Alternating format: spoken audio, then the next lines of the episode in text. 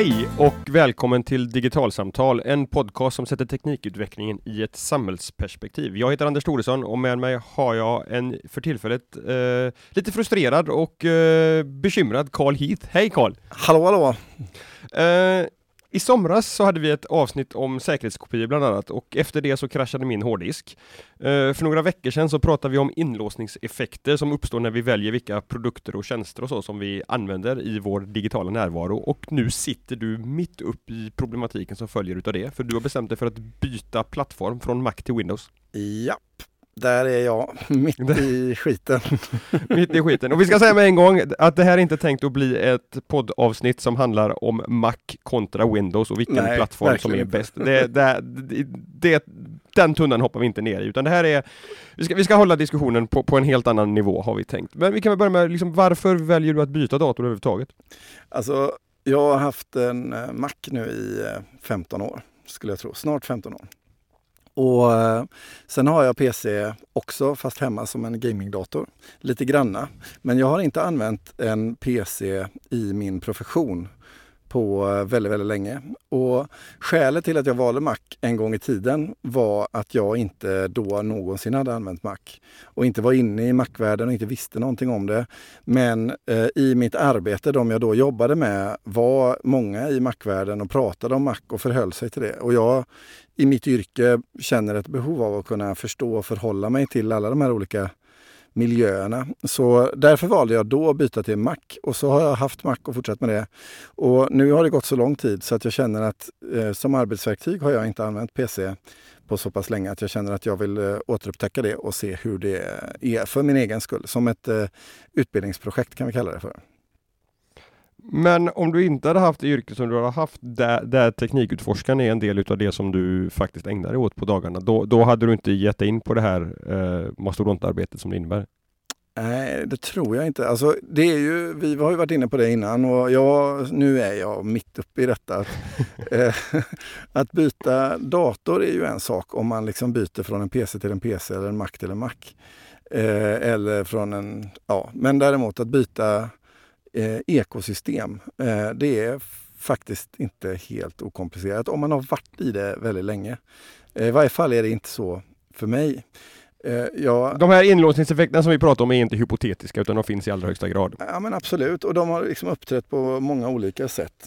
Eh, alltså de är, dels är det liksom rent praktiska saker som inlåsningseffekter men de absolut största är nog egentligen kognitiva på olika sätt. Och om man ska bara börja med några sådana enkla saker så till exempel så eh, när jag nu migrerar eh, från det ena till det andra så eh, så har jag ju en mängd information och data i datorn som inte nödvändigtvis är filer och mappar men som är andra typer av, liksom, jag kan kalla det för min egna personliga metadata i liksom hur jag söker på saker för att hitta den i datorn eller eh, olika typer av eh, små eh, eh, kodsnuttar i olika sammanhang som används till något litet. Och jag är inte självklart säker på att jag liksom får med mig allting.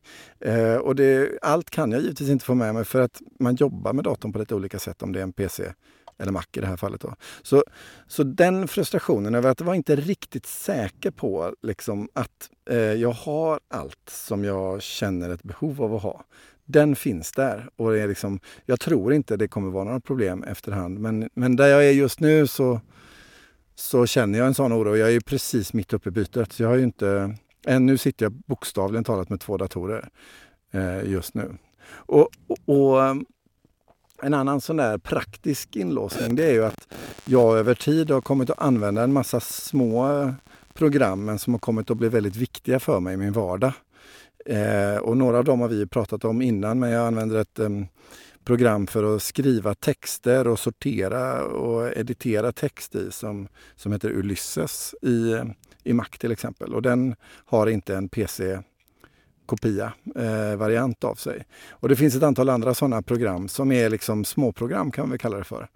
Som jag inte kommer kunna ta med mig och där jag behöver liksom hitta något som är likvärdigt. Och det finns ju såklart i de allra flesta fall. Eh, men Utmaningen är att det är ett nytt program och då behöver jag lära mig det där nya igen och så behöver jag värdera om det här är rätt för mig eller inte och så vidare. Eh, saker går liksom inte på rutin på det sättet som, eh, som det gjorde. Så där finns det ju, alltså just med liksom, ja, att byta program och filer, det är nog den första liksom praktiska saken. Och som var samma sak när jag bytte från eh, PC till Mac för 15 år sedan. Där, är det liksom, där känner jag igen mig i bytet, om jag uttrycker det så, från eh, för 15 år sedan till idag. Men det innebär att det, det, det är inte så mycket en, en, en, inlåsning som en tröskel som du behöver ta dig över egentligen då? Ja, fast den tröskeln blir ju en inlåsning. Liksom. Det blir en mental inlåsning. För om, eftersom jag känner till tröskeln och vet vad den innebär sen innan så vill jag ju såklart inte utsätta mig för det helst. Nej, nej. Eh, och då, då vill jag vara kvar i den värld jag var i. Liksom. Eh, sen finns det ju några program som jag i Mac-världen som jag liksom helt enkelt efter massa, massa års användning är väldigt kär i för att jag kan dem bra. Mm. Och ett sånt är ju Keynote till exempel för att hålla föredrag och presentationer. Eh, där jag behöver välja något annat program. Och eh, det är lite ångestladdat, det får jag nog erkänna. Att, men det, och det handlar ju inte om att eh, Powerpoint i det här fallet kanske är nämnvärt mycket sämre. Utan det handlar om att min kompetens i Powerpoint är sämre. Mm. Eh, primärt. Jag har inte lärt mig det, men jag har lärt mig Keynote över de senaste tio åren. Så, så där är det liksom egentligen inte så mycket, tror jag, och det vet jag inte för jag har inte använt det än. Men jag, jag tror att det handlar mer om liksom min egen kunskap om ekosystemet. För varje dag jag använder en dator så blir jag ju bättre på att använda den.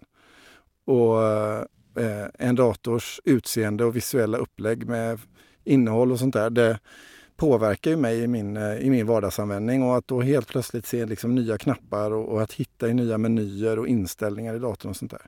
Det är lite jobbigt. ingenting av det som du säger så här långt överraskar mig egentligen. Man, egentligen är ju det här samma typ av diskussion som uppstår liksom på riktigt bred front när Microsoft till exempel förändrar stort i sitt operativsystem som de har gjort ett antal gånger de senaste åren. Där, där folk liksom blir helt tagna på sängen därför att datorn ser inte ut och fungerar som de är, som de är vana vid. Men, men finns, det, finns det någonting, och då, då, är ju det en tröskel att ta sig över, men när man har väl lärt sig det så, så har man insett att ja, det kanske blev bättre så som de har tänkt sig att man ska använda datorn nu. Men finns det någonting som du har upptäckt i den här liksom, flytten som du inte, som du kan överraska mig med, som, som, som inte är uppenbar innan man ger sig in på det? Alltså, ja men det är väl två saker. Eh, det ena det är ju eh, hur mycket processer som sker på olika nättjänster idag jämfört med som för 15 år sedan skedde i ett program. Alltså, för mig så blir det när jag nu byter dator väldigt uppenbart att ett antal processer som jag för 15 år sedan gjorde eh, i min dator i ett, i ett dataprogram, det gör jag nu i en webbtjänst istället. Och det gör ju att min Chrome, eh, jag använder eh, Google Chrome Eh, och eh, olika typer av extensions i Google Chrome för olika små, eh, små funktioner. Till exempel så har jag en ehm, eh, eh, en tjänst som vi pratat om innan som heter Feedly som är integrerat i min Chrome som en liten extension och jag använder en jättefin liten extension som heter OneTab som gör att jag kan liksom sortera och dela tabbar och flikar i, i min ehm, Eh, i min Chrome-browser och så vidare. Och det finns en massa sådana där små nifty saker som är bundna till min browser eller som finns i olika typer av webbtjänster som jag använder. Eh, som jag tidigare, liksom, om, om det här hade varit för 15 år sedan så hade det varit många fler program som jag hade behövt byta från det ena till det andra. Men nu så sker det väldigt mycket i browsern. Och eftersom jag använder eh, samma browser tror jag i varje fall. Jag har inte bestämt mig än för vilken browser jag ska ge mig in på. Men det känns nästan som att eh, browserinlåsningen är, den har ju liksom blivit större än vad ehm, eh, datorinlåsningen eh. så, så jag skulle nog säga att, det, att för mig att lämna Chrome eh, jag gjorde ett litet försök här, här nyligen och försökte lämna Chrome-browsern för att den slukade batteri för mig till en annan. Men det, det, det, här har jag inte riktigt kunnat lämna just på grund av att jag använder olika insticksfiler och vad det nu är för någonting. Men det här är ju intressant för det här låter, alltså Google har ju länge velat att vi ska flytta in så mycket som möjligt i webbläsaren därför att det är på, på webben som Google har sin existens. Ja, och eh, jag är ju, alltså det är ju Alltså om man bortser från browsern så använder jag ju Google Apps i uh, mitt arbete eh, oerhört mycket. Och eh, där behöver jag inte göra överhuvudtaget någonting när jag byter dator från det ena till det andra för att jag har istället valt att investera mig i ett webbaserat ekosystem som är Googles och som inte gör någon större skillnad om jag är på PC eller Mac. Ja, men, det, men, det, innebär också att vi, man, man, vi är som konsumenter och teknikanvändare idag i en, i en situation där vi kan välja liksom, på vilken nivå vill, vi vill vara inlåsta. Vi, vi kan antingen liksom gå all in på att ha program och data lagrade på våran dator. Ja. Och då blir inlåsningseffekten väldigt stor hos den operativsystemsleverantören och den hårdvarutillverkaren i Apples fall då som man har valt att, att lägga sina ägg hos. Eller så kan vi välja att lägga väldigt mycket av våran data i molnet. Och då får vi en inlåsningseffekt kontra de tjänsteleverantörer vi har på nätet men det spelar mindre roll vilken hårdvara vi faktiskt använder. Ja, och där hamnar vi, det har vi också pratat om tidigare, men menar, då hamnar vi ju i den här diskussionen om liksom, var ligger min data och hur säker är den och Mm. hur garanterar jag backuper och sånt där. Eh, hur vet jag att jag äger min egen information? Och, så. Och, och jag kan väl uppleva det, det märker jag ju direkt och konkret nu när jag byter att ja, men jag litar mycket mer på webbtjänster än vad jag tänkt att jag gör. Eh, Men menar, menar, du för- menar du för litar dig på dem eller att du faktiskt litar på dem? Eh, nej, förlita mig skulle jag nog säga där. Jag är nog, ja, alltså det är väl en kalkylerad risk på något sätt. Eh, men jag inser nu att den risken nog är lite högre eh, än, vad jag, än, än vad jag hade föreställt mig. Alltså jag tänker på en sån sak som vi pratade om häromdagen. Jag använder Feedly för att läsa artiklar, sortera dem, annotera dem och, och söka i dem. Och det, är ju en, det är ju en enskild webbtjänst och skulle den försvinna, likt vi var inne på här om veckan kring eh, när eh, Picture man Life. tappar bort sina foton, liksom. ja, då kommer mitt minnesarkiv över artiklar att vara borta och jag har ingen lokal backup på det. Och det, jag har inte riktigt tänkt på det på det sättet innan vi då pratade om det och nu. Eh, hur, hur mycket information jag faktiskt väljer själv att lagra där just för att det är praktiskt. Jag kan föra det från min mobiltelefon till min dator Mm. Eh, mellan datorer och så vidare. Så, eh, och jag hade en fundering eh, när jag stod inför att byta ekosystem om jag skulle gå eh, eh, och skaffa mig en Google eh, en Google-dator med Google Chrome i. En Chromebook. En Chromebook. Och, för den har ju en mängd intressanta fördelar med sig. Men En väldigt konkret och praktisk fördel är att jag kan logga in på en Chromebook med mitt konto så är allt precis som det är oavsett vilken Chromebook jag loggar in på. Eh, så då är jag liksom helt och hållet i molnet. Eh, varför jag valde att inte ha en Chromebook som huvuddator det är ju för att jag använder en mängd eh, mjukvara som än så länge inte har riktigt den eh, bra eh, funktionaliteten som krävs för att kunna ha i en browser eller i en Chromebook. Men nu håller ju Chromebooks på att integrera mot ehm, Androids app-ekosystem. Mm.